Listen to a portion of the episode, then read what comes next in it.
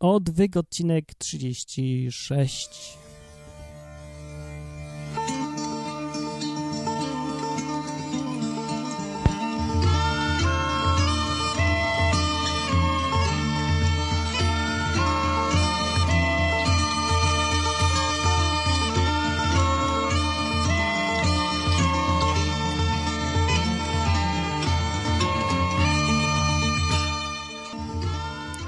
Dzień dobry, mówi Martin, twórca tego podcastu odwyk.com.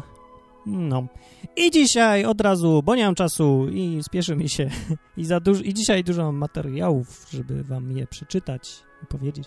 No to szybko zacznę i powiem o czym dzisiaj będzie. Dzisiaj będzie o demonach, o świecie duchowym, o wyrzucaniu, o egzorcyzmach, o takich różnych rzeczach, które wszystkich ciekawią, nikt ich nie rozumie prawie, a każdy myśli, że jest ekspertem albo że dużo wie. No, a niektórzy mają rację nawet, bo rzeczywiście wiedzą. Nie, no, tak dużo to się wiedzieć nie da o tym. Ale dobra, do tematu wracajmy. Różnica między teoretycznym chrześcijaństwem a praktycznym chrześcijaństwem jest taka, ja już o tym mówiłem w którymś tam odcinku, nawet w paru, jest taka, że Teoretyczne chrześcijaństwo polega na tym, że się chodzi do kościoła, należy do jakiegoś kościoła, tudzież do wiary jakiejś się należy. Robi się tam te rzeczy, które każą robić, nie robi się tych, których nie każą robić. No i właśnie tyle. No i są jakieś tam zasady absolutnie teoretyczne, których się nie da sprawdzić i które się w ogóle właśnie nie przenoszą do naszego życia. No na przykład istnieją jakieś pojęcia abstrakcyjne typu łaska uświęcająca, typu grzech pierworodny, które se tak istnieją, ale tylko w teorii. Takie abstrakcyjne, no bo pokaż mi tą łaskę uświęcającą, na czym ona polega. Albo, że no, ja bym zrozumiał, znaczy, o teoretyczność tego polega na tym, że jak na przykład e, zrobisz, naruszysz jakieś zasady, no to piorun cię z nieba nie szczeli, ani w ogóle nic się nie stanie. A jak będziesz przestrzegał zasady, no to też nic się nie stanie. Pójdziesz do komunii albo nie pójdziesz do komunii, no to co to zmieni? No nic zupełnie, bo to jest właśnie teoria. Natomiast praktyczne chrześcijaństwo polega na tym, że w życiu ci się rzeczy dzieją, albo w życiu innych się dzieją rzeczy przez ciebie. No. I, i że są tam zjawiska ponadnaturalne i niewytłumaczalne. Gdyby no bo w, w, ogóle na tym polega chrześcijaństwo. Nie ma czegoś takiego jak chrześcijaństwo bez rzeczy nadprzyrodzonych. No bo weźcie sobie teraz Biblię, jeżeli ktoś zna akurat, to niech sobie weźmie Nowy Testament sam, no skupmy się na tym. I wywalmy wszystko, co jest ponadnaturalne, nadprzyrodzone i niewytłumaczalne. No to co zostanie? No nic nie zostanie. Bo Jezus nie mógł zmartwychwstać, bo to jest ponadnaturalne. Nie mógł wyrzucać demonów, uzdrawiać, robić tych wszystkich cudów, które robił. Nie mógł prorokować, nie mógł mieć jakiejś wiedzy o kimś, chociaż nie mógł jej mieć. No i takie różne. No, no nie mógł nic robić. Następnie wszyscy apostołowie, którzy tam potem, jak już on odszedł sobie, w niebo wstąpił, co też nie mogło mieć miejsca, bo też jest nadprzyrodzone, no to potem oni nie mogli mówić różnymi językami, od tego się tam zaczęło. Potem nie mogli robić tych różnych cudów, bo oni robili to samo dokładnie, co on. Też wyrzucali demony, też uzdrawiali. Proroctwa tam były, były, a jakże? Wszystko tam było. No więc cały początek chrześcijaństwa byłby, no, nie mógłby być. Znaczy, że Biblia jedną wielką bzdurę mówi. Trzeba ją całą wyrzucić, jeżeli nie ma rzeczy ponadnaturalnych. Ale teraz, jeżeli ktoś się uważa za chrześcijanina, i uważa, że Biblia, no plus minus, ma tam rację, no to musi uznać istnienie rzeczy nadprzyrodzonych, nie?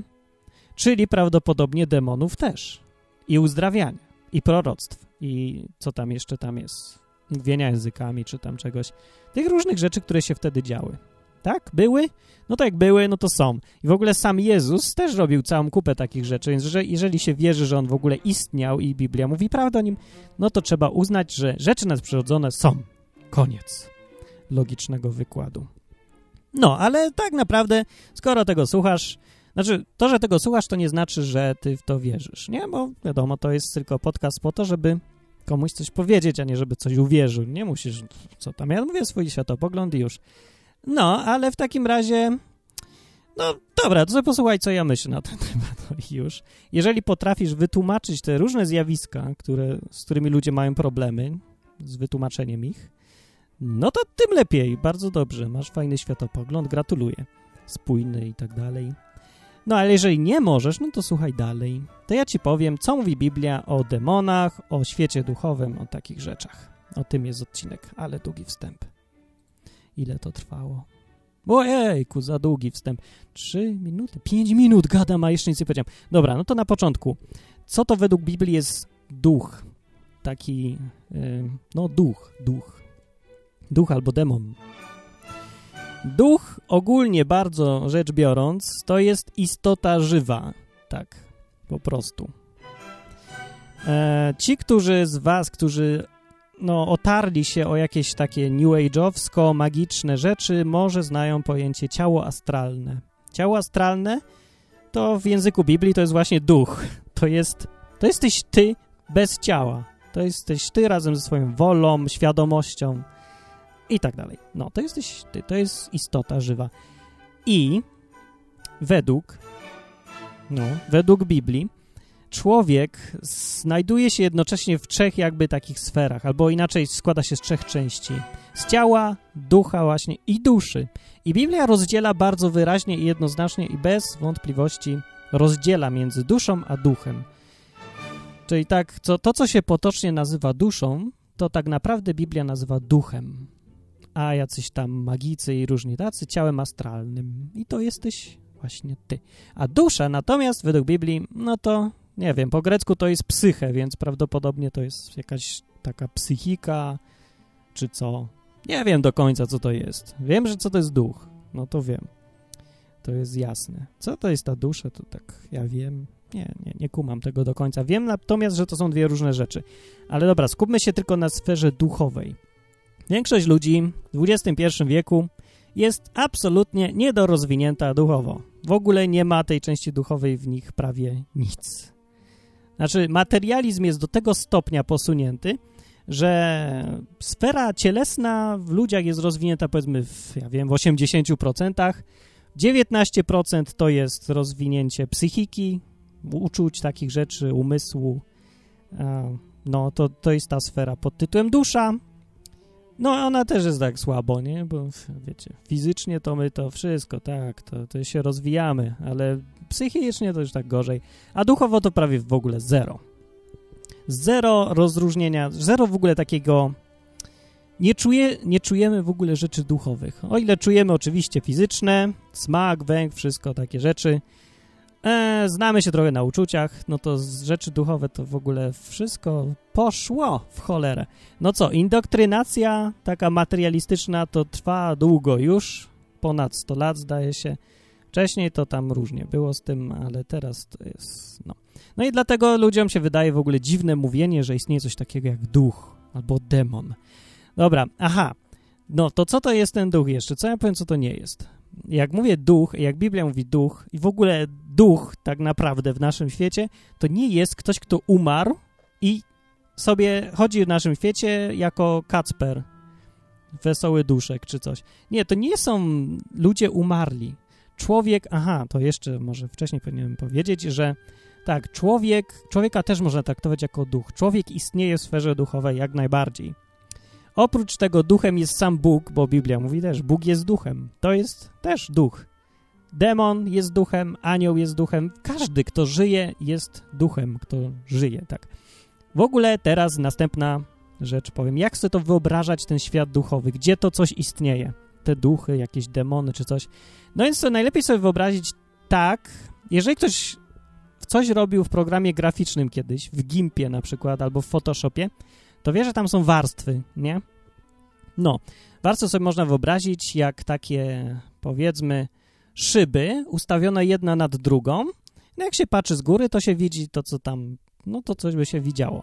I rysuje się na tych szybach przeźroczystych. I to są warstwy. No. I świat duchowy najpierw sobie wyobrazić jako taką warstwę. Jeżeli nasz świat to jest jedna warstwa taka, to świat duchowy to jest druga warstwa. I one jakoś na siebie są nałożone. Eee, czyli można powiedzieć też, że jakiś duch, duch czy demon znajduje się tu i tam, tu, w tym miejscu geograficznym. Tak, można. Można powiedzieć, że są tu, konkretnie w tym miejscu.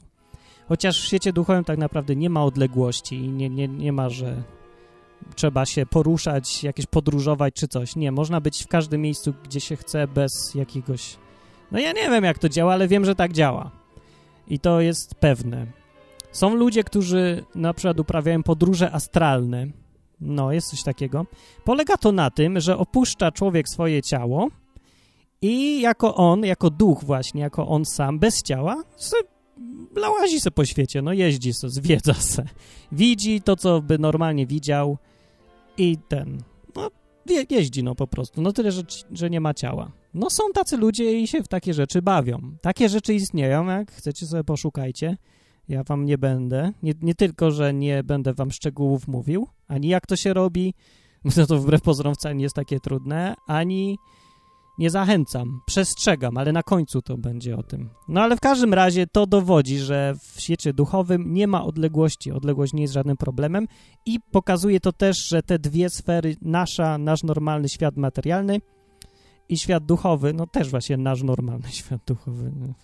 Jesteśmy tutaj i tutaj jednocześnie. W każdym razie one są na, nałożone na siebie, związane ze sobą. Tak sobie można wyobrazić świat duchowy. I jeszcze to, co Biblia mówi. O, przeczytam. Są takie dwa fragmenty, wybrałem, z których wynika, że tak właśnie jest, jak mówię. Że świat duchowy istnieje i jest cały czas, wszędzie dookoła nas jest jakby nałożony na to, tyle, że my go nie widzimy. Nie, nie wiem, czemu go nie widzimy. Pewnie dlatego Bóg tak zrobił, żebyśmy nie zwariowali, albo żeby w ogóle człowiek mógł istnieć, bo to trochę by było, no takie mało chyba przyjemne, takie dziwne, nienormalne. Ja myślę, żebyśmy sfiksowali wszyscy, jakbyśmy zaczęli nagle widzieć ten cały świat duchowy dookoła nas. W drugiej księdze królewskiej, rozdział szósty, jest taka historyjka, że był sobie król, historyjka, no kawał historii tak naprawdę, bo to mówi o, o konkretnych ludziach w konkretnym czasie, w konkretnym miejscu. Był król Aramu i on kiedyś chciał, no, wojnę prowadzić z królem Izraela. Dosyć dawno temu było. Aram był kraj taki, Izrael też był taki kraj. No i i ten, i co chciał gdzieś wojsko wysłać czy coś, to się okazywało, że król Izraela już o tym wie wcześniej. No więc król Aramu się wkurzył i myśli sobie, no kurde, ktoś mnie szpieguje.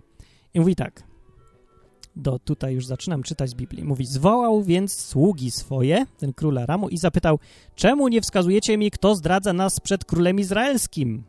Czyli gdzie jest szczur, kret tu u nas. Odpowiedział mu jeden ze sług, nie, panie mój królu, to Elizeusz, który jest prorokiem w Izraelu, oznajmia królowi izraelskiemu słowa, które ty wymawiasz w swoim pokoju sypialnym. Taki skurczybyk, prorok szpieg, no po prostu Bóg mu mówi, a on mówi królowi izraelskiemu, tak go szpiegował. No i oczywiście król Aram mówi tak, on odpowiedział, idźcie i zobaczcie, gdzie on się znajduje, a ja każę go ująć. Doniesiono mu, oto jest w Dotan, jakieś miasto. Wtedy wysłał tam konie, rydwany i silny oddział wojska. Wyruszyli w nocy i otoczyli miasto. No i dobry spryciarz. Kiedy sługa męża Bożego wstał rano, czyli tego Elizeusza, i wyszedł, oto wojsko razem z końmi i rydwanami otaczało miasto. Wtedy sługa jego powiedział do niego, ach panie, jakże postąpimy, mówi. On pewnie podejrzewam, że bardziej się bał niż tam, ach panie, jakże postąpimy. Czyli powiedział, o ku, wojsko, o ku, spl... Nie, no, że ja nie, może tam nie kleli wtedy. No, nieważne. W każdym razie odpowiedział ten sługa. Nie odpowiedział sługa, tylko Elizeusz mówi mu tak. I tutaj jest ważne. Nie lękaj się, bo licznie, liczniejsi są ci, co są z nami, niż ci, co są z nimi. Potem Elizeusz modlił się tymi słowami. Panie, racz otworzyć oczy jego, aby widział. Pan otworzył oczy sługi, a on zobaczył. Oto góra pełna była ognistych rumaków i rydwanów otaczających Elizeusza. No i to jest taka historia pierwsza i na tym, na samym końcu jej jest powiedziane, że otworzył oczy sługi i on dopiero wtedy zobaczył, co jest naprawdę dookoła niego. I te, ten cały świat, który był, ale go nie mógł widzieć duchowy. A drugi kawałek jest, haha, drugi kawałek, taki ten, też ze Starego Testamentu, jeszcze starszy. Był Bileam, taki koleś, był to prorok i ktoś go zatrudnił, żeby prorokował przeciwko komuś tam. No wtedy takie rzeczy się działy, były na porządku dziennym, nie? I wstał Bileam, Bileam rano, osiadł oślicę i pojechał z książętami moabskimi. Moab też taki kraj był. I zapłonął Pan gniewem, że poszedł, a anioł pański stanął na drodze jego jako przeciwnik. On zaś jechał na oślicy, a z nim dwa jego słudzy. No i gdy oślica zobaczyła anioła pańskiego stojącego na drodze, zdobytym mieczem w ręku, zboczyła z drogi i poszła w pole. Bilam zaś bił oślicę, żeby ją zawrócić na drogę. No tak, on nie widział. Wtedy anioł pański stanął na ścieżce między winnicami, gdzie był płot z jednej i z drugiej strony. No ciasno było, krótko mówiąc. Gdy oślica, zobaczywszy anioła pańskiego, przycisnęła się do muru, przygniotła do muru nogę Bileama, a on ją bił znowu. No, a potem anioł pański poszedł dalej i stanął w miejscu już tak ciasnym, że go nie można było wyminąć ani w prawo, ani w lewo. No i dobra, no i tam w skrócie powiem, że ta oślica zobaczyła anioła, położyła się i nie chciała się ruszyć. On tak ją zaczął lać, że otworzył, w którymś momencie jest napisane dalej, że pan otworzył usta oślicy i ona zaczęła do niego gadać, że co mi zrobiłem, przestań mnie lać. A on powiedział, tak sobie powiedział, tak, tak normalne, no oślica mi gada. No to powiedział, Dlatego cię leję, że se drwiłaś ze mnie i gdybym miał miecz w ręku, zaraz bym cię zabił, mówi, do oślicy. Ja nie wiem, on, ja bym się zdziwił, że nie gadał z oślicą chyba, no ale... Gość był przyzwyczajony, w końcu był prorokiem do dziwnych rzeczy. No, ale dobra, potem jest napisane Wtedy Pan zdjął zasłonę z oczu Bileama i ten zobaczył anioła pańskiego, stojącego na drodze zdobytym mieczem w ręku. Wówczas pochylił się i upadł na twarz swoją. No, się trochę przestraszył to jest akurat już naturalne i łatwo do uwierzenia. No w każdym razie o, to jeden i drugi przypadek są bardzo trudne, takie do uwierzenia dla kogoś, kto jest wychowany w świecie czysto materialnym. No takie rzeczy się nie dzieją, no dookoła, że ci zaczyna kod gadać. Nie, raczej, no nie. No, ale jeżeli nadpominąć to, to wspólnym w tym fragmencie jednym i drugim jest to, że w którymś momencie, jeżeli komuś się otwierają oczy, to zaczyna widzieć ten świat duchowy, którego normalnie się nie widzi. No, tak mówi Biblia, ale dobra, pomińmy to i zastanówmy się, pytanie następne, skąd się bierze to, że ktoś jest opętany według Biblii i co to w ogóle znaczy? No więc tak, jednymi z są takie istoty duchowe, duchy, mówiąc tak krótko, Biblia tak mówi, że są te istoty duchowe, no i sobie po prostu są wszędzie, są dookoła. Biblia nazywa je, w Ewangeliach są nazywane, no oni w sumie, oni są nazywani duchami nieczystymi, duchy nieczyste. Albo w innych miejscach złe duchy, ale to w sumie rzadko. Częściej jest duchy nieczyste. I czasem jest mówione wprost, że to są demony albo diabły. E, ale najczęściej jest duchy nieczyste i to jest bardzo dobre określenie. Dlaczego? No dlatego, że jak zapytacie jakiegoś gościa, który się zna tam na New Age, wróżbitkę czy kogoś takiego, czarownicę, to wam powie najprawdopodobniej, że taki podział na dobrych i złych jest nieprawdziwy absolutnie, że nie ma coś takiego, że jest, każdy demon jest zły, zły, taki zły, że chce wszystkich od razu zabić. I ona ma rację. Dlatego Biblia mówi duch nieczysty, a nie duch zły najczęściej, albo zły duch, albo... No, bo faktycznie tak jest, że no demon demonowi nierówny. To nie jest jakaś bajka, tylko to jest rzeczywiście istniejący świat. Żywa istota, bo to jest jakiś ktoś, może być jaka tam chce. To nie jest tak, że musi być zła, bo tak mu kazał reżyser na filmie czy coś. Różni są. Są ta, takie demony, które pomagają. W każdym razie, no tak to wygląda. Na przykład, no dobra, będę czytał przykłady, to zobaczycie, jak, jakie są przykłady w Biblii. A są takie, które są ewidentnie destrukcyjne, złe, złośliwe i właśnie to prawie wszystkie są takie. A są takie, które próbują pomagać albo robić coś dobrego. Ale tak czy inaczej, to wszystko są duchy nieczyste. I tak naprawdę to nie, nie ma czegoś takiego jak pozytywny demon albo taki duch nieczysty, którego warto mieć za przyjaciela. Albo warto mieć jakoś takiego, kto nam będzie pomagał. Albo ducha wróżenia, bo są też takie w Biblii wymienione i są takie rzeczywistości, że masz takiego ducha i wtedy on ci coś mówi, a ty mówisz głośno i wiesz coś na przykład. No bo duch z natury z rzeczy wie trochę więcej. Jak tobie powie, no to ty mówisz i wiesz. No, nie ma czegoś takiego, że to jest pozytywne. Bo w świecie duchowym w ogóle i w ogóle w każdym świecie i w naszym świecie i wszędzie obowiązuje zasada, że nie ma nic za darmo. To, że ktoś ci podpowiada no, pozwala ci wróżyć albo mówić jakieś rzeczy o kimś, których normalnie nie możesz, których normalnie nie możesz wiedzieć, albo masz moc uzdrawiania, bo są też takie duchy. To, że to coś ci daje, to nie znaczy, że ci to daje, bo cię tak lubi bardzo, tylko tak, to ci daje z własnych celów, z własnych jakichś tam powodów. I tak czy inaczej, wcześniej czy później, będziesz musiał za to zapłacić. Tego oczywiście nikt nie mówi, no bo tak jak i każda szanująca się reklama, bo specjalista od public relations, no nie mówi ci na dzień dobry, ile co kosztuje, tylko ci mówi, ale będzie fajnie, będziesz uzdrawiał, będziesz to, będziesz tamto. A potem się człowiek budzi z ręką w nocniku i zaczynają się dziać bardzo złe rzeczy, zwłaszcza kiedy chce przestać nagle, mu się odwidzi. No to ma problem, to ma duży problem. O, i w ogóle, a propos demonów jeszcze, o tym mówię nie dlatego, że to jest jakieś teoria, jak mówiłem na początku, ani science fiction, tylko dlatego, że to jest dla wielu ludzi realny problem. Są ludzie, powinienem wam puścić nagranie takiego korzenia. Ja to puszczam często, ale to jest... No ja znam gościa, gadałem z gościem, wiem, że mówi prawdę i może wam pewnie powtórzyć to samo w cztery oczy i nawet jeszcze więcej wam szczegółów powiedzieć. On nagrał takie słuchowisko, godzinę chyba trwa. O, wam mogę dać linka, bo gdzieś jest w sieci. No i on opowiadał o swoim życiu i on miał przeżycia takie właśnie tego typu. I na podstawie jego przeżyć i wielu innych osób, o których wiem albo których znam osobiście, mogę wam powiedzieć, jak duży to jest problem. Weźmy sobie różne uzależnienia, na przykład papierochy, alkohol, narkotyki i demony. Jak trudno jest wyjść i poradzić sobie z, po kolei z tymi czterema? No to tak w skali numerycznej. Powiedzmy, jeżeli palenie papierosów to jest problem o skali 1. O, żeby było dobre porównanie. Ło, jaka muzyka. Jeżeli palenie papierosów i wyjście z tego, poradzenie sobie z problemem to jest jeden, no to ja bym powiedział, że poradzenie sobie z nałogiem alkoholu, o ile da się, ale czasem się da, to ja bym powiedział, że jest pięć. Tak na oko, nie wiem ile szczelam, ale dużo trudniej. Dużo łatwiej zrzucić palenie niż przestać być alkoholikiem. No, no chyba się zgodzicie, nie? Załóżmy, że pięć.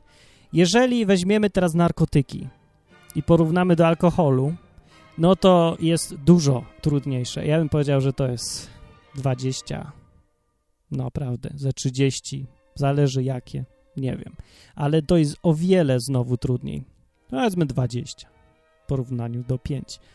Teraz demony i uwolnienie się od tego i poradzenie sobie z tym i nieprzyjemne rzeczy z tym związane, to ja bym powiedział, że to jest 100.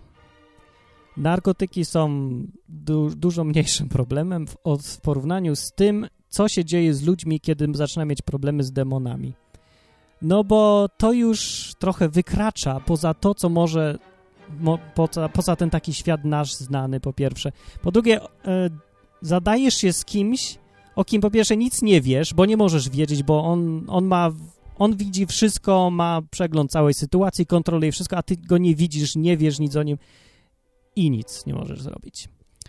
Po drugie, dlatego, że to są istoty o wiele silniejsze, o wiele więcej możliwości mają niż ty. Nie masz żadnych szans, chociażbyś był, nie wiem, jakim gierojem. To nie chodzi o to nawet, że masz, y, trzeba mieć silną wolę albo, albo, nie wiem, wierzyć w coś, albo mieć gorące serce. Nie, to ci nic nie da wobec demona. No nie masz najmniejszych żadnych szans. Demon się nie boi wody święconej, demon się nie boi rytuałów. Ty byś się bał, przepraszam, by ktoś do ciebie podszedł, zaczął, cię, zaczął cię wodą kropić i mówić coś po łacinie? Nie, demony sobie robią jaja z tego. Demony się nie boją rytuałów. Tak jak przyjdzie do ciebie złodziej, a ty jak zaczniesz rytuałami go dookoła, nie wiem, albo mówić do niego po francusku, to on się nie przestraszy i nie pójdzie. Chyba, że, nie wiem, pomyślisz, że zwariowałeś, że się ciebie przestraszy. No nie pójdzie sobie, pójdzie sobie, możesz go pokonać, jak go pokonasz tak naprawdę, fizycznie, jak jesteś silniejszy od niego i go wypchniesz, albo będziesz z nim walczył i wygrasz. No to tak samo jest w świecie duchowym, czemu miałoby być inaczej? Jeżeli się wy chce wyrzucać demony, to trzeba mieć coś, co jest, co je fizycznie wywali. No nie fizycznie, to nie jest świat fizyczny, ale coś silniejszego od nich. To jest chyba normalne, logiczne, jak się pomyśli o tym chwilę w takich kategoriach innych niż bajka, czy science fiction, czy film Egzorcysta. No, tak, tak. Ale w każdym razie to jest problem duży, bardzo duży problem. No i teraz zapętliła się muzyczka, a dopiero jestem w połowie. Ale mówimy dalej. 24 minuty, dobra, dobra, dobra. Jedziemy dalej. Skąd się bierze to, że człowiek zaczyna mieć jakieś problemy z demonem i jak to w ogóle wygląda? No więc tak, w Biblii są opisane przypadki tego, że ktoś jest opętany.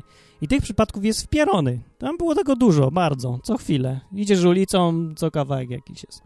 No bo może dlatego, że tam nie mieli ps szpitali psychiatrycznych, tylko ci wszyscy ludzie sobie łazili po ulicach, a? Tutaj to my mamy ładne służby pożyteczne, które wszystkich ludzi, którzy są jacyś tacy dziwni, zamykają od razu, żeby normalni tak zwani ludzie mogli mieć święty spokój. No gorzej masz, jak to ty jesteś ten inny i ciebie zamykają do psychiatryka i próbują leczyć chorobę duchową metodami fizycznymi. Co jakieś tam efekty daje, ale prawie żadne. No bo, a propos jeszcze chorób, kiedyś Cejrowskiego Wojciecha słuchałem, to w którymś tam opowiadaniu o tym, jak był gdzieś tam u jakichś szamanów w Ameryce Południowej, w, we wiosce, no to opowiadał o tym, jak oni odnoszą się do chorób. Więc szamani nie leczą chorób fizycznie, lekarstwami czy czymś, tylko uważają, że choroba to jest coś duchowego i to coś duchowe trzeba wyrzucić. No i szamani robią tam różne czary swoje, różne i wyrzucają w swój tam znany sobie sposób. Ale w każdym razie uważają to za rzecz duchową. No i teraz tak, większość chorób rzeczywiście wy, wyrzucają. Człowiek zdrowieje i już. No nie wszystkie choroby, bo nie każda choroba ma podłoże fizyczne i nie każda choroba ma podłoże duchowe. Są choroby wywołane psychiką, nie wiem, ktoś ma depresję i zaczyna fizycznie przez to chorować. No przecież cały czas tak się zdarza, nie? Ktoś jest chory fizycznie i zaczyna mu siadać psychika. Oczywiście, że tak się dzieje i dokładnie analogicznie jest z duchowymi jakimiś źródłami choroby. No, tak, co, to co mówił ten Cejrowski, to idealnie pasuje też do tego, co mówi Biblia. Jezus też wyrzucał demony z kogoś i na przykład kogoś, to był głuchy i niemy i goś zaczynał mówić i słyszeć. No, albo ktoś miał epilepsję i też wyrzucił demona i pyk, przeszło. Nie, czekajcie, było tak? Tak, było. No, co nie znaczy, że każda epilepsja ma źródło fizyczne, ani że każda ma duchowe. No właśnie są różne i trzeba wiedzieć. E, leczenie choroby duchowej albo psychicznej metodami no, metodami jakiegoś wpływania na ciało, na samą tylko fizyczną sferę, też będzie działać. Trochę będzie działać, dlatego że w człowieku to wszystko jest połączone. Można, no można, no, można. To, to się nigdy nie wyleczy, no ale objawy przynajmniej ulżą jakoś. Zresztą jak człowiek zakłada z góry, że człowiek się składa tylko z ciała, no to, to jak ma inaczej to robić? No, no musi wpływać na ciało, a przez ciało i wpływa na, na ducha i duszę też. No, ale są w każdym razie choroby, które mają podłoże tylko duchowe. I wtedy najlepiej je leczyć tam, gdzie one są. No, ale dobra. Skąd się biorą te demony i jak to wygląda, że człowiek jest opętany? No dobra, w Biblii tak, są oczywiste przypadki, jak już mówiłem, że jest opętany w... i to wygląda tak, że gość nie kontroluje już sam siebie, robi coś, czego nie chce tak naprawdę robić, ale jest w nim jakaś inna wola, która go do tego zmusza. Robi coś, widzisz sam, że to robi, i to, ale to dalej robi, chociaż tego nie chce, bo coś go tam w środku zmusza. Większość ludzi tak by to opisała, bo większość ludzi w ogóle jest niedorozwinięta duchowo, jak mówiłem, i nie ma bladego pojęcia, co się dzieje. No ale tak, taki jest efekt. I to prawdopodobnie, właśnie zawsze chyba w takim przypadku, to jest jakiś duch, który zaczyna, albo cię już opętał całkiem, albo jest bardzo blisko tego, albo jest na drodze dobrej do tego. Ale to są przypadki takie już skrajne i ostateczne i bardzo widowiskowe. To jest rewelacja po prostu. Przychodzi się na takie, do takiego domu, żeby sobie pooglądać, jak demon rzuca kimś po ścianach albo jak kobieta zaczyna mówić męskim głosem, albo jak zaczyna mówić różnymi językami, innym jakimś językiem dziwnym. O, nie słyszałem. Ale wcale to nie jest, to nie jest w ogóle żadna rozrywka i jak tylko usłyszycie o czymś takim, to ja nie polecam w ogóle tego oglądać. To, wiem, filmiku z tego nie mam, pokazywać nie będę. To jest obrzydliwe, to nie jest fajne w ogóle, ani fascynujące bo to jest, tam jest żywy człowiek, który robi coś, czego nie chce. Naprawdę nie jest fajne. No, tak by przychodzić, oglądać, jak ktoś wymiotuje, no. Co w tym jest fajnego, to ja nie widzę nic sensacyjnego. To czy jest jakaś perwersja. Chcieć oglądać, jak ktoś wyrzuca demona, albo oglądać, jak ktoś e, jak demon przez kogoś coś robi albo mówi. Demon zwykle ma wszystko w dupie, tak mówiąc, i to tak absolutnie dokładnie, wszystko i wszystkich. Powie ci wszystko i nie będzie się hamował niczym, absolutnie niczym. A ponieważ wie też więcej, widzi więcej, ma więcej możliwości i już nie mówiąc o tym, że jest starszy dużo i że no, ma jakoś widok na ten nasz świat fizyczny, materialny i na ten swój jakiś duchowy, który w sumie nie wiem prawie nic, no to może dużo i może ci gadać takie rzeczy, że chcesz wyjść natychmiast, wyjść. Albo będziesz, które chcesz zapomnieć przez następne parę lat i nie możesz. Bo może ci wywalić na wierzch to, o czym wiesz tylko ty na przykład, a nikt inny nie wie. Albo o tym, co ktoś inny wie, a ty nie wiesz. I będzie ciekawie, na pewno bardzo, ale mało, bardzo mało przyjemnie. Tak, tak więc mówię, niech to jest głupi pomysł, jeżeli dalej chcesz, chciałbyś zobaczyć takie rzeczy, że jak demon gdzieś jest w kimś, to mi uwierz na słowo, że nie chcesz, a jak mi nie wiesz, że jesteś głupi, to idź, zobacz i ci się odechce. Bardzo szybko. No.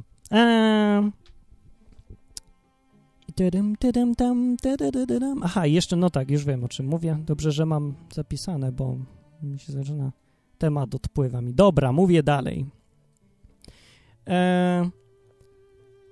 Nie każdy, nie, jakby to ładnie powiedzieć, myślę, że każdy jest narażony na jakieś wpływy świata duchowego, o, tych duchów, tych istot, o których nie widzimy i o nich nie wiemy, ale czasem wiemy, że są.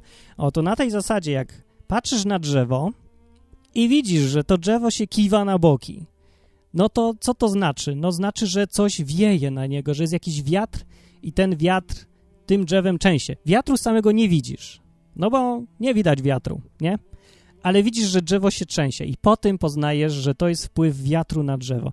I dokładnie tak samo jest z wpływem ducha na człowieka, na świat materialny. Widzisz, że człowiek się wkiwa, to wiesz, że coś wieje, nie?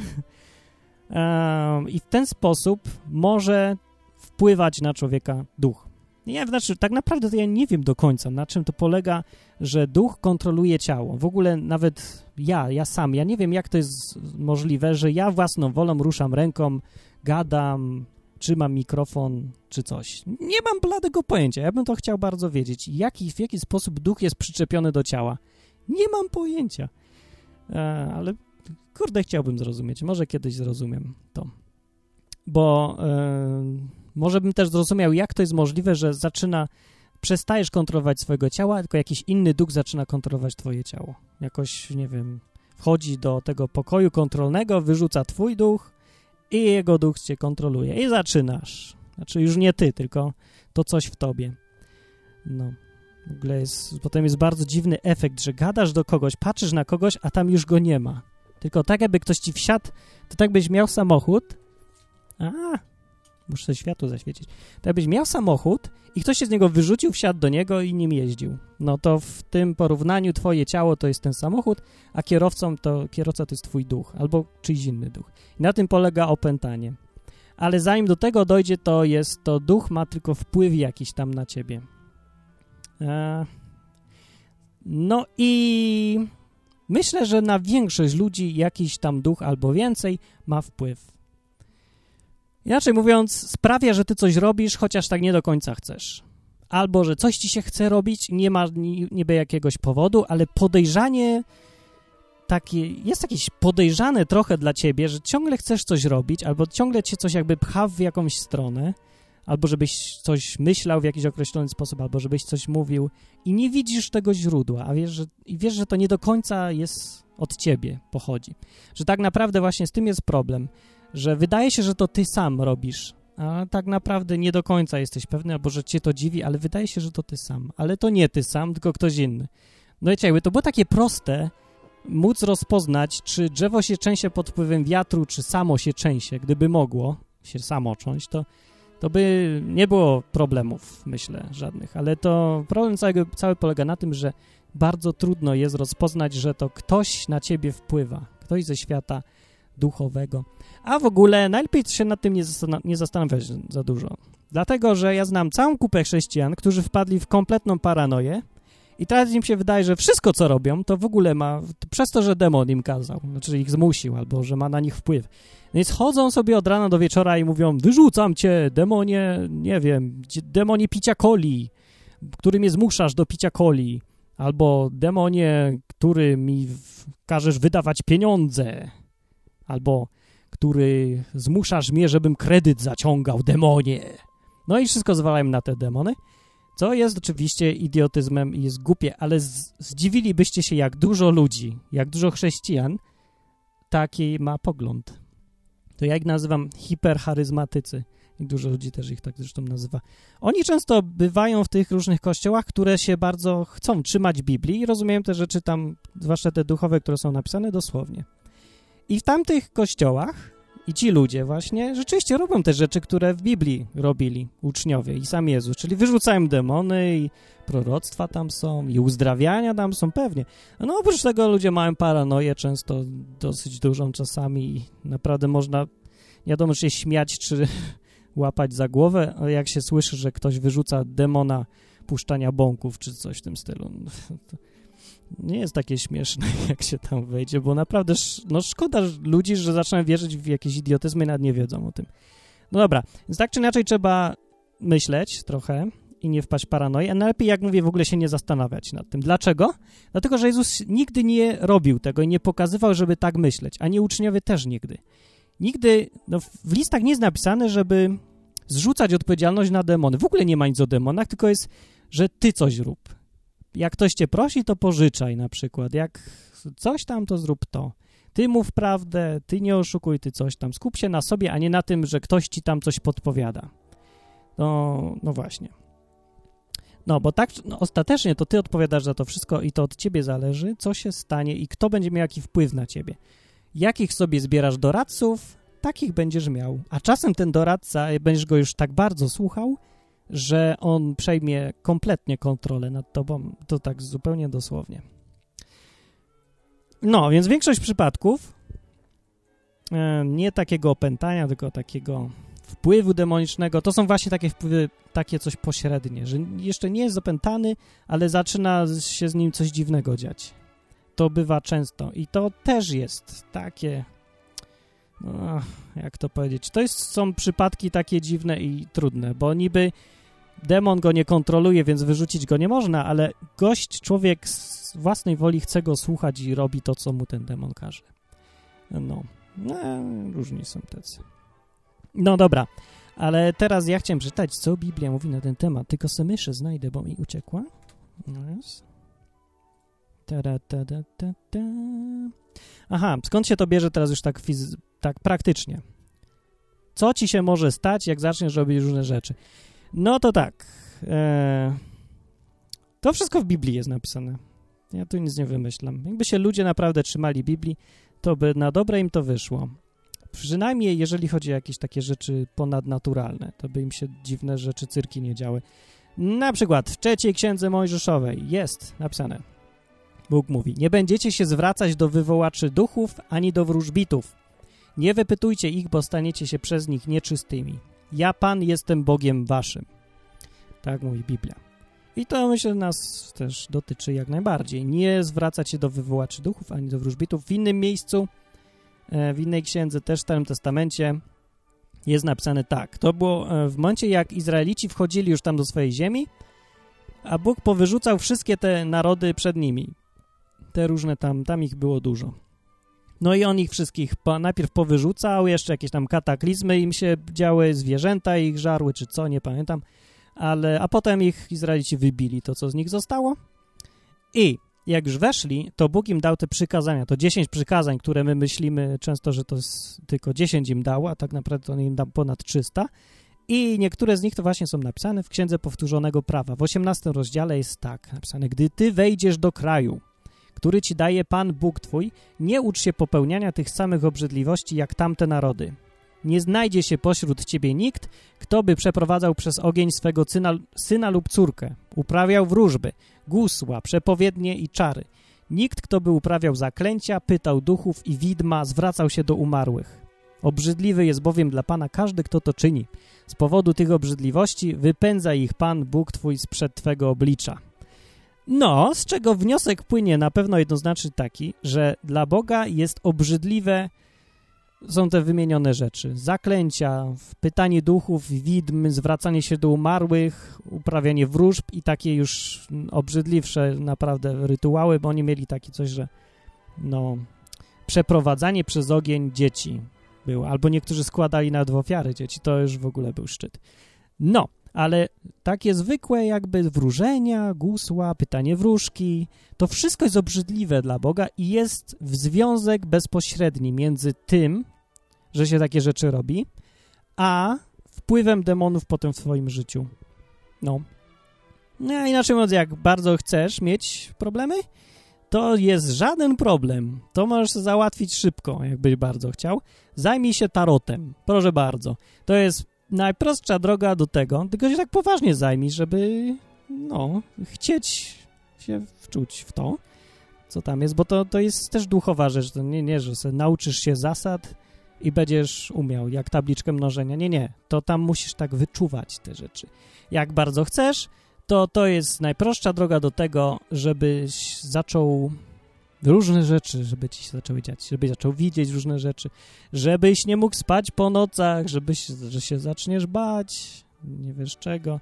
Nie, no po prostu nie będę wam opowiadał, co się ludziom dzieje, jak zaczynam takie rzeczy robić.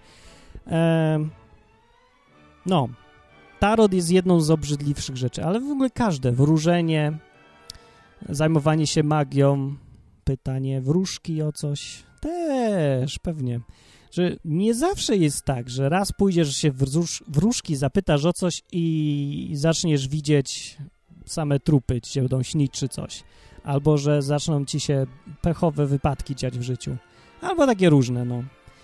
E, no wiadomo, że nie, no raz tak będzie, raz nie będzie, ale... Bo to w sumie trochę zależy też od twojego stosunku do tego i twojego zaangażowania.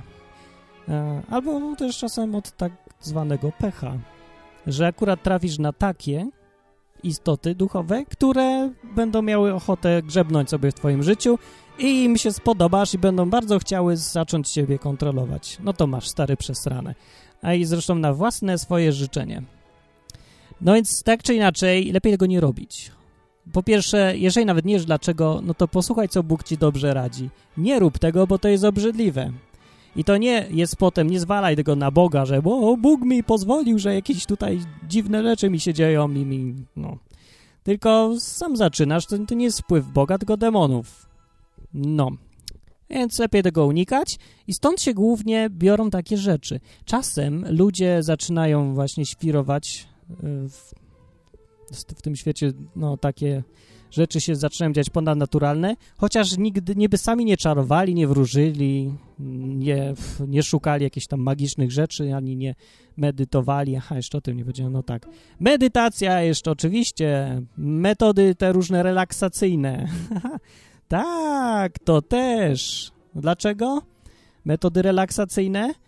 A, bo te metody, te, znaczy to są takie na przykład że słuchasz sobie jednoznacz, jednostajnej takiej muzyki, bo takiej rytmicznej, jakiejś spokojnej, masz otwierać się, albo wchodzisz w jakiś tam tryb alfa mózgu, fale mózgowe ci wchodzą w tryb alfa, czy jakieś takie, no niby niewinne i co to ma w ogóle wspólnego z duchową rzeczywistością? No to ma, bo to polega na tym, że ty się odczepiasz od ciała, w skrócie mówiąc, na tym też polegają podróże astralne. Wychodzę, najpierw musisz wyjść z ciała. I to się da zrobić bardzo prostymi trikami mechanicznymi, kontrolowaniem oddechu, powtarzaniem czegoś rytmicznie, takie rzeczy. To nie jest takie trudne wcale. Trochę się poćwiczy i pyk, wychodzisz. Metody relaksacyjne między innymi na tym polegają, bo odczepiasz się po prostu od ciała, no to wiadomo, że będziesz lepiej czuł, bo ci ciążyć nie będzie, będziesz lekki, no jaki masz być? No to na tym to polega. Ja nie wiem, jak to technicznie działa, ja bym to, kurde, zawsze się zastanawiałem że można tak łatwo wejść w stan takiej autohipnozy, jakby takiej. Nie, nie, nie wiem, jak to nazwać. Wiem, jak się to czuje człowiek. Zaczynasz odlatywać, no. I można odlecieć sobie całkiem już wtedy, zupełnie. Narkotyki zresztą tak samo robią dokładnie to. Poluźniają kontakt między twoim duchem a ciałem. I też znam ludzi, co mówili albo pisali, opisywali, jak wyleźli ze swojego ciała pod wpływem narkotyków. No bo czasem to są tylko rojenia mózgu, oczywiście, halucynacje i takie tam, ale czasem autentycznie odczepiasz się od ciała i jesteś w innej zupełnie rzeczywistości. I zaczynasz gadać z jakimiś istotami, które poznajesz w tej rzeczywistości i żeby to udowodnić, że to nie jest tylko twój wytwór wyobraźni, te rzeczy zaczynają się dziać w realnym, normalnym życiu i inni potrafią powiedzieć też, że te rzeczy się dzieją. No to jest dopiero potwierdzenie, że ty sobie niczego nie roisz, tylko tak naprawdę jest. No. O, no właśnie, jak masz jakieś takie problemy i chcesz się upewnić, że ci się coś nie roi, lepiej wziąć sobie drugiego i żeby on był świadkiem różnych rzeczy. I powiedział tak z dystansu, patrząc z zewnątrz, czy to tylko twoja schiza jakaś, że zaczyna ci się coś yy, dziwnego dziać w życiu, czy tak naprawdę to coś w tym jest. No bo rzeczywiście samemu nie widać dobrze od środka, przydaje się drugi do oceny. Dobra, to teraz o demonach już konkretnie, bo kończymy powoli to nagrywanie. Ile to już trwało? Jest, to się za długo. Dobra, co mówi Biblia? Biblia mówi tak.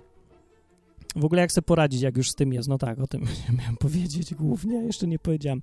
Co zrobić, jak już jest problem?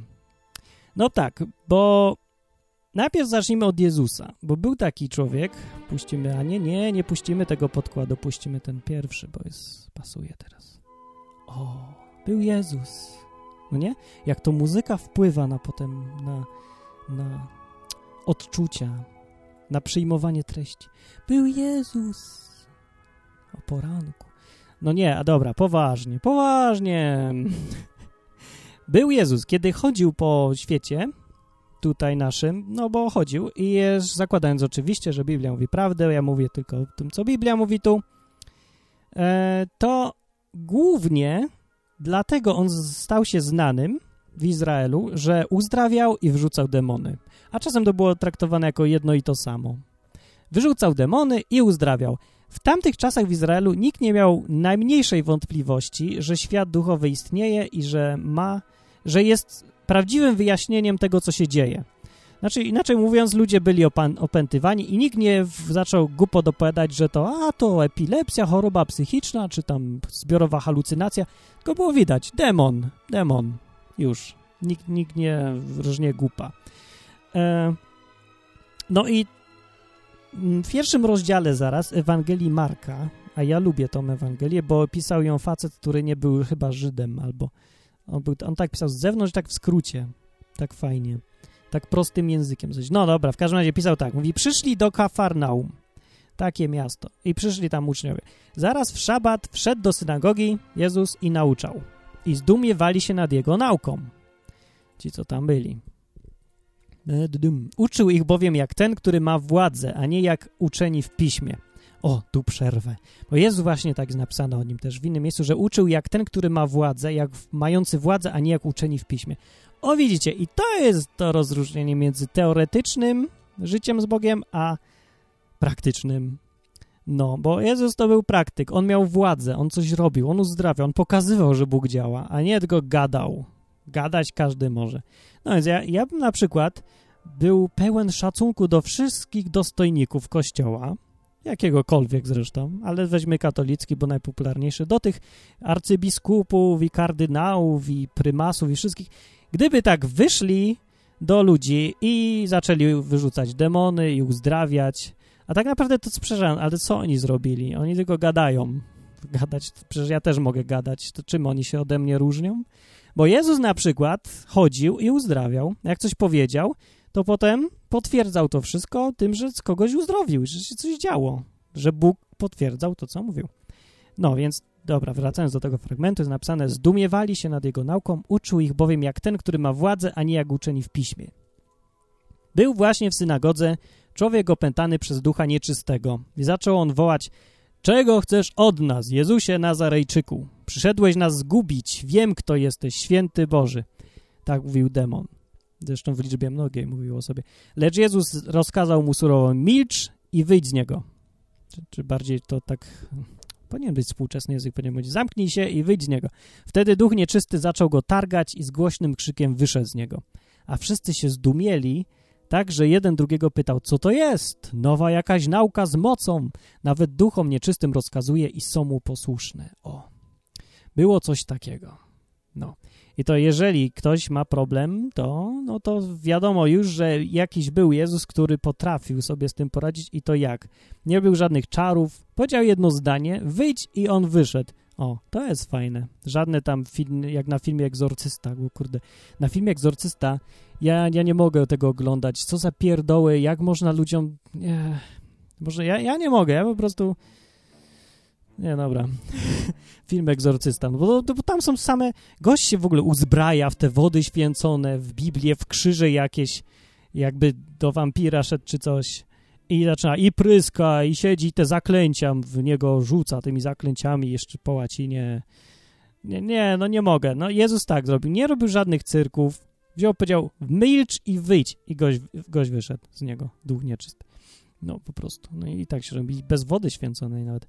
Dobra, w Marka jest napisane inny opis sytuacji. Se wczujcie się. W piątym rozdziale jest napisane, że przybyli na drugą stronę jeziora do kraju Gerezeńczyków. Nie wiem do tej pory, gdzie to jest. W sumie, co mnie to obchodzi. Ledwie wysiadł z łodzi, zaraz wybiegł naprzeciw z grobów człowiek opętany przez ducha nieczystego. O, następny będzie. Mieszkał on stale w grobach i nawet łańcuchem nie mógł go już nikt związać. Często bowiem wiązano go w pęta i łańcuchy, ale łańcuchy kruszył, a pęta rozrywał i nikt nie zdołał go poskromić. No, terminator normalnie. Ale faktycznie tak jest, że ludzie opętani zaczną mieć siłę jakąś, taką nienormalną kompletnie. No, wciąż dniem i nocą krzyczał, tłukł się kamieniami w grobach i po górach, ten facet. Skoro z daleka ujrzał Jezusa, przybiegł, oddał mu pokłon i zawołał w niebo głosy. Czego chcesz ode mnie, Jezusie, Synu Boga Najwyższego? Zaklinam cię na Boga, nie dręcz mnie. Powiedział mu bowiem, Jezus wcześniej, wyjdź duchu nieczysty z tego człowieka. No, a demon na niego, czego chcesz? Nie dręcz mnie, idź stąd. I zapytał go Jezus, jak ci na imię? Odpowiedział mu, na imię mi Legion, bo nas jest wielu. I prosił go na wszystko, żeby ich nie wyganiał z tej okolicy. Demon Jezusa. A pasła się tam na górze wielka trzoda świń. Prosili go więc, ci duchowie, poślij nas w świnie, żebyśmy w nie mogli wejść. I pozwolił im. Ja się zastanawiam dlaczego, ale no, pozwolił im. Tak duchy nieczyste wyszły i weszły w świnie. Że to nie, na pewno nikt tego nie widział, ale to chyba mogą tak powiedzieć, bo jest napisane, co się stało, że trzoda około dwutysięczna ruszyła pędem po urwistym zboczu do jeziora i potonęły w jeziorze. No świnie zaczęły nagle, w... ja, dostały świra i zaczęło 2000 świń poszło i rzuciło się do morza. I pasterze zaś uciekli, ja im się nie dziwię, i rozpowiedzieli to w mieście i po zagrodach, a ludzie wyszli zobaczyć, co się stało. Gdy przyszli do Jezusa, ujrzeli opętanego, który miał w sobie legion, jak siedział ubrany i przy zdrowych zmysłach. I strach ich ogarnął. O, i to jest normalna reakcja na takie rzeczy. No. A potem, jak jeszcze tam przyszła reszta miasta, powiedzieli, to w ogóle kazali Jezusowi stamtąd iść bo się przestraszyli tego i powiedzieli, idź stąd, nie, my nie, tu nie chcemy, przepraszamy bardzo, ale my się boimy za bardzo, no i poszedł. No. Yy, no i to widzicie, tak się to dzieje. No, a jeszcze w Mateusza, Ewangelii, Jezus takie, no, taką rzecz mówi ważną. No, o, aha, no bo tak, w ogóle, no po co ja to mówię? Bo ja opisuję, jak to się dzieje, jak to robił Jezus, a dlaczego to opisuję, to powiem za chwilę. Jeszcze wytrzymajcie chwilę. Herbatę zróbcie, bo jeszcze z 10 minut będę gadał. Można zrobić pauzę. O, po, to jest fajne w nagraniu w internecie, to nie jest radio, można zrobić pauzę i wrócić za chwilę. Dobra, następny kawałek krótki jest taki, jest napisany tak. Gdy duch nieczysty opuści człowieka, błąka się po miejscach suchych, szukając odpoczynku, ale nie znajduje. No, wtedy mówi, wrócę do swego, no duchy mówią, wtedy mówi, mówi sobie, wrócę do swego domu, skąd wyszedłem, a przyszedłszy zostaje go niezajętym, wymiecionym i przyozdobionym. Wtedy idzie i zabiera ze sobą siedmiu innych duchów złośliwszych niż on sam. Wchodzą i mieszkają tam i staje się późniejszy stan nowego człowieka gorszy niż był poprzedni. Tak będzie i z tym przewrotnym plemieniem, bo to Jezus mówił o, jakoś odnosił to do współczesnym współczesnych jemu ludzi.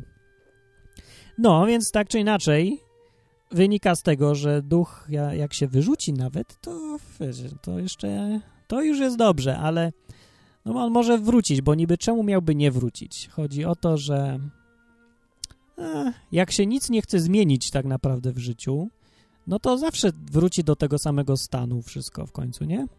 No. I tak samo i w, w świecie duchowym też jest. No, a dlatego mówię o tym, zresztą w przypadków, kiedy Jezus wyrzucał demony, to tam jest wpierony w Biblii, w Ewangeliach, to co, co chwilę to robił, tam ich jest dużo. A przeczytałem wam tylko tyle, żeby pokazać, jak to on robił i że to robił. I że to robił bez żadnego w ogóle problemu i wysiłku i bez żadnych magicznych rytuałów i sztuczek. Także nie trzeba żadnych egzorcyzmów, jak widać. Może przyjść taki Jezus, powiedzieć wyjdź i on wychodzi. Może nie od razu, może z nim pogada, ale wychodzi. No. Nawet legiony jakieś demonów, gościa, który jest silny jak Terminator. I teraz Jezus wysyłał uczniów.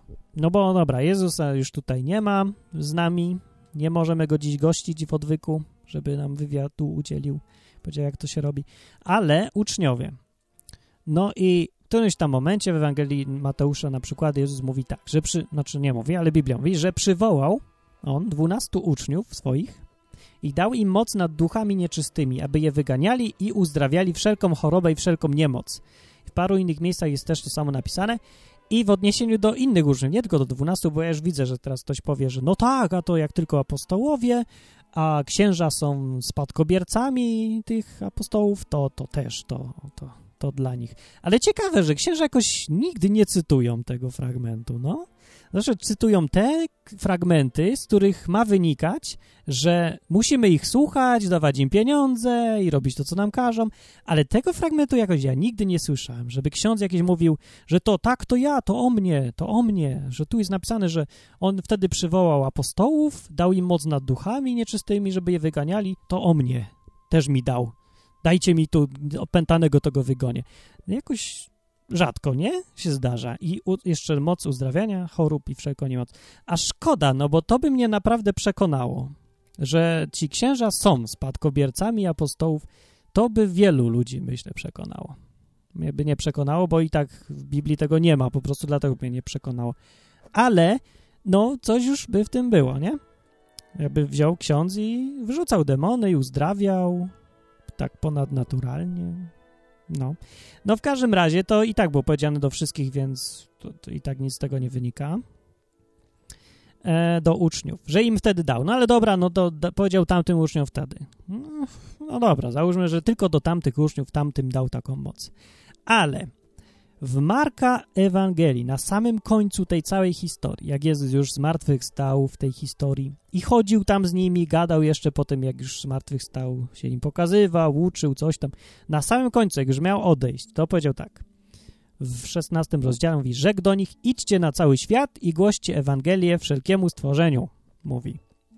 Kto uwierzy i przyjmie chrzest, będzie zbawiony, a kto nie uwierzy, będzie potępiony. Proste. Tym zaś, to jest najbardziej istotne. Tym zaś, którzy uwierzą, te znaki towarzyszyć będą. W imię moje złe duchy będą wyrzucać, nowymi językami będą mówić, węże brać będą do rąk, jeśli by coś zatrutego wypili, nie będzie im szkodzić. Na chorych ręce kłaść będą i ci odzyskają zdrowie. Tak mówił Jezus, że takie będą znaki towarzyszyć tym, którzy wierzą w Niego. No i teraz oczywiste jest pytanie, dlaczego wobec tego takie znaki nie towarzyszą? No dlaczego? No, sami sobie odpowiedzcie na to pytanie, dlaczego. Mi towarzyszą, przepraszam, ja wyrzucałem złe duchy i wychodziły. I mówiłem nowy, nowymi językami? Mówię. Węża nie brałem do rąk, no bo, bo ja nie lubię węży i nie miałem okazji. Zatrutego też nic nie wypiłem. Na chorych też nie kładłem rąk. No dobrze, no to nie, tych nie. Ale jeżeli ktoś uważa, że jest chrześcijaninem, to no takie rzeczy mu powinny towarzyszyć. Ponadnaturalne właśnie rzeczy. Albo olejmy tą całą Biblię i przestańmy robić głupka z siebie i z tego, kto to napisał. Bo albo tak jest i Biblia mówi prawdę i rzeczywiście takie znaki mają towarzyszyć wierzącym, albo niech przestaną okłamywać siebie i wszystkich, że są wierzącymi w Jezusa. Tak powiem brutalnie, brutalnie bardzo bo ja nie widzę innego logicznego sposobu na rozumienie tych słów Jezusa. E, zresztą w dziejach apostolskich ci uczniowie Jezusa cały czas takie rzeczy robili. No, A, jeszcze zanim o tym powiem, to ja chciałem przypomnieć, jeżeli ktoś jest chrześcijaninem, to ja i chcę być w ogóle, ale nie zna się na takich rzeczach i nie wie w ogóle, że wierzący powinni wyrzucać demony i uzdrawiać i jakieś ponadnaturalne rzeczy robić, to ja zachęcam naprawdę do czytania Biblii, bo to jest coś, co ludzie wierzący powinni normalnie robić, co powinno być normalne. Ale wielu jest ludzi, którzy szukają Boga i tak dalej, ale po prostu nie mają bladego pojęcia, że takie coś to jest, powinna być norma. Że Jezus powiedział, że takie rzeczy się będą działy, po pierwsze, a w innych miejscach jest wyraźnie napisane, żeby szukać tych rzeczy, żeby szukać daru prorokowania, żeby się modlić o dary ponadnaturalne, duchowe. O nie prosić po prostu. Gdzieś tam w innym miejscu jest... Yy, mowa o tym, że obietnica Ducha Świętego, takich rzeczy właśnie, takich ponadnaturalnych, związanych z Duchem Świętym, bo to się wiąże z nim, też Duch, e, jest dla wszystkich uczniów, którzy tu są i wszystkich, którzy będą. I jest to tak dokładnie napisane tymi słowami. Wszystkich, którzy będą w przyszłości uczniów. Obietnica tego Ducha Świętego. No, który daje takie właśnie rzeczy, możliwości duże, moce takie takie X-meni. Chrześcijanie są tacy X-meni po prostu, no. Tak naprawdę to nie jest jakaś taka wielka jazda, ani jakieś szczególne czary, bo świat duchowy i tak jest, tak? Czy, czy to widzimy, czy nie widzimy i wpływ ma cały czas na nas. Niektórzy ludzie po prostu, a, no na przykład chrześcijanie, e, zgodnie z tym, co Jezus mówił, mogą wyrzucać demony. Jak to się robi, to jest na przykład dalej kawałek napisane, no dobra, już kończę, prawie już wszystko jest, co chciałem powiedzieć w dziejach apostolskich dwa fragmenty. Pierwszy to opisuje kronikarz Łukasz, jak sobie tam łazili już gdzieś tam po świecie i mówią tak, pisze tak. Gdyśmy szli na modlitwę, zdarzyło się, że spotkała nas pewna dziewczyna, która miała ducha wieszczego, a która przez swoje wróżby przynosiła wielki zysk swoim panom. No, to jest, kurde, biznes, nie?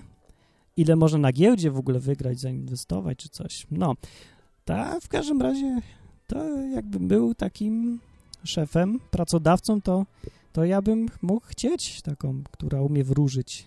No, w każdym razie zysk przynosiła i ta idąc za Pawłem i za nami woła, wołała mówiąc Ci ludzie są sługami Boga Najwyższego i zwiastują wam drogę zbawienia. I tak chodziła i krzyczała, reklama darmowa. A to czyniła przez wiele dni. No, ja sobie wyobrażam, że chodzę po świecie, wszędzie, po mieście, do pracy i ona za mną i gada. Ten Martin jest sługą Boga Najwyższego i zwiastuje drogę zbawienia i odwyk prowadzi. No i dobra, na to czyni przez wiele dni. Wreszcie Paweł znękany zwrócił się do ducha i rzekł rozkazuję ci w imieniu Jezusa Chrystusa, żebyś z niej wyszedł. I w tej chwili wyszedł ten duch.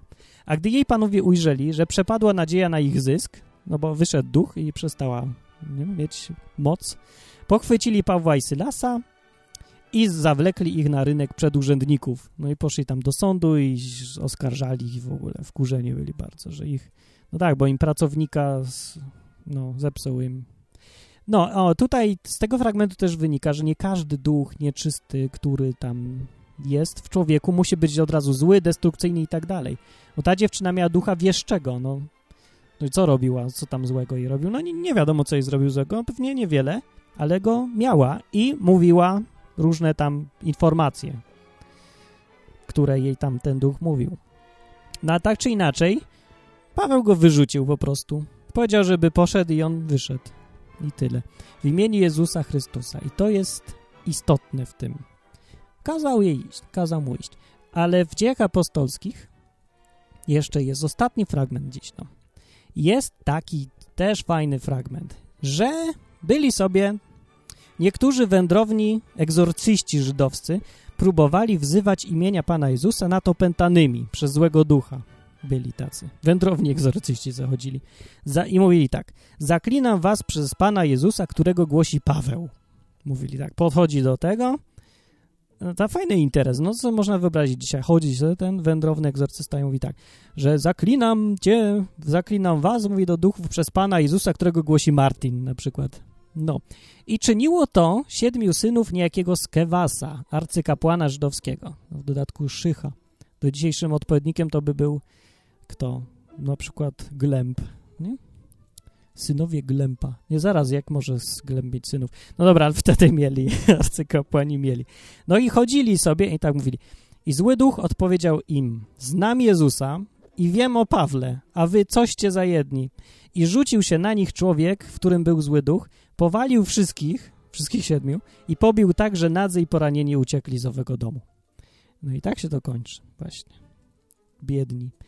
No bo właśnie, bo oni widzieli, że duchy wychodzą, kiedy się użyje imienia Jezusa.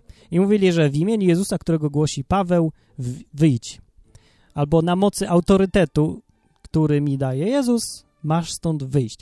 Bo to działa na zasadzie tak jak, o, jest taka historia, o, jest taka historia jedna. Jak przyszedł do Jezusa jeden facet, jakiś chyba setnik czy ktoś, wódz kohorty, nie wiem, jakiś taki. No i przyszedł i mówi, że mi syn choruje, czy tam sługa, że umiera i tak dalej, i go wylecz. No jest mówi, dobra, przyjdę go uleczę. A on mówi, nie. Mówi, nie.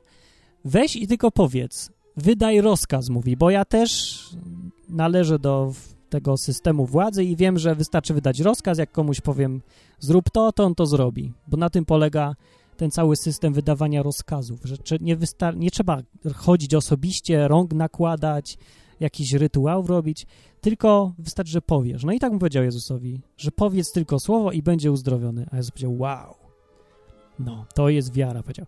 I powiedział, dobra, jest uzdrowiony. No i gość wrócił do domu i był uzdrowiony.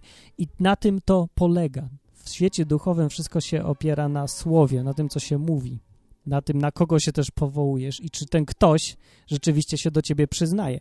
Bo tak jak w tym ostatnim fragmencie, chodzili se ci tych siedmiu ziomków i mówi, w imieniu Jezusa, którego głosi Paweł, no to Paweł se go głosi i dlatego Paweł wyrzucał demony w imieniu Jezusa i to raczej bardzo tak szybko, prosto i, i ten. Jezus się do niego przyznawał, a do nich się nie przyznał, a duch powiedział, mam to w dupie, nie wychodzę. Wziął ich wszystkich siedmiu, jeden koleś, którym był ten duch, wziął i ich pobił. No to musiało wyglądać naprawdę, że siedmiu gości ucieka przed jednym opętanym. No ale no, właśnie, no.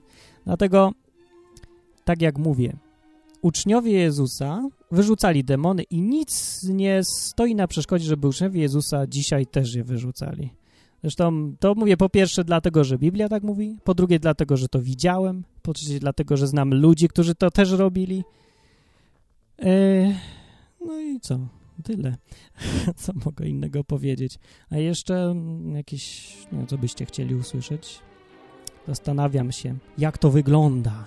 Tak samo, że jest duch, jak kogoś opętuje, robi z nim różne rzeczy bardzo nieprzyjemne, przeważnie, i nie będę ich opisywał, a i zaczynasz do niego mówić. No to jest najgłupsze w tym wszystkim, najbardziej dziwaczne. Zaczynasz, mówisz do kogoś, a mówisz do kogoś innego. A najgorsze już jest absolutnie w ogóle e, jak ten ktoś ci zaczyna odpowiadać. Nie, jak zaczyna ci odpowiadać demon z ust kogoś, człowieka, jeszcze w dodatku, którego znasz, albo nie, może nie znasz, to wtedy jest najlepiej chyba jeszcze wyjątkowo dziwne, dziwaczne doświadczenie, no ale tak to wygląda i radzę unikać tego, jak tylko się da. No i to podsumowując, ludzie, zastanówcie się, jak będziecie mm, co robić. Czarować, magią się interesować, horoskopy sobie stawiać i czytać. No, że czytać te pierdoły, to tam jeszcze wiecie. Eee, no ale jak ktoś chce stawiać horoskopy i to w ten sposób, w jaki to się naprawdę powinno robić, no to to już jest gwarancja sukcesu, że jakiś duch ci przyjdzie i będzie chciał być bardzo usłużny. A duchy zawsze się upominają o swoje w końcu. A w momencie, jeżeli nie zobaczysz tego wcześniej, to wtedy, kiedy będziesz chciał odejść, to już na bank będziesz miał problemy. No, nie wiem, pewnie są gdzieś jakieś wyjątki ludzi, którzy się zajmowali, siedzieli głęboko w tym i, yy, i, mogli wyjść i przestali, nic im się nie działo. Może są, ale ja nie znam akurat. No cóż, jestem mało doświadczony, widać. A i tak, to co się trzeba zapamiętać, to to, że Jezus albo ci, którzy używają imienia Jezusa, mają, mogą wyrzucać demony. O. Demony uciekają na dźwięk imienia Jezusa. No nie na sam dźwięk, bo to też nie są czary. E, demony się wyrzuca kimś, kto jest silniejszy. Tym kim silniejszym duchem według Biblii jest Duch Święty. Jest Jezus. No i już. W Jego imieniu demony się wyrzuca. A, ale jeszcze ktoś może mieć pomysł, bo czasem można się spotkać z kimś, kto wyrzuca nie w imieniu Jezusa demony, tylko w, nie wiem, w jakiś tam inny sposób i to działa. Tak by się mogło zdawać. Ten korzeń, gość, o którym mówiłem, o, o tym jego nagraniu godzinnym kiedyś, e, on się zajmował, miał problemy z narkotykami i wtedy miał też, przyszły demony sobie, o, lubią tam, gdzie narkotyki, to lubią też bywać i no miał, kurczę, problem. I miał poważny problem, aż ktoś go nauczył grać w tarota. Nie grać, tylko stawiać tarota. O, skończyła się muzyczka, to znaczy, że musimy kończyć. To tylko myśl dokończę. Nauczył go stawiać tarota i gość się wciągnął. Natychmiast tamte wszystkie rzeczy duchowe znikły. Koniec. Przestały go męczyć tamte demony. Przestał mieć te swoje wizje, różne takie cyrki się przestały dziać. Spokój. Zaczął się wciągać w tarota. I to pokazuje też inny mechanizm, taki, że przed silniejszym duchem słabszy duch odejdzie. No ale w ten sposób to skończy się tak, że się zostanie na stałe z najsilniejszym demonem, z najbardziej złośliwym i z najgorszym. No i szczęścia wtedy życzę. Wtedy to naprawdę tylko Jezus zostaje, bo od Niego już nie ma silniejszego. To jest najwyższa instancja. I tym optymistycznym akcentem chciałem zakończyć. Mam nadzieję, że nie zanudziłem i że ten, jeszcze ktoś będzie chciał gadać ze mną po tym, jak Martin zaczyna nawijać o świecie duchowym. No, to cóż, poradzę. Bardzo mi przykro, ale takie rzeczy istnieją. A jak nie wierzycie, no to tym lepiej dla was. Nie wierzcie. No to przecież bardzo dobrze, no. Po to Bóg zrobił tak, żebyśmy nie widzieli tego świata, żebyśmy go nie widzieli i nie musieli się nim przejmować i zastanawiać. To jak nie wierzysz, to bardzo dobrze dla ciebie. Póki się nie zetkniesz, to dalej nie wiesz, nie myśl o tym, nie szukaj tego i już. Ty się zajmij sobą, żeby żyć porządnie jak człowiek i żeby znaleźć Boga może czasem, bo może masz ochotę.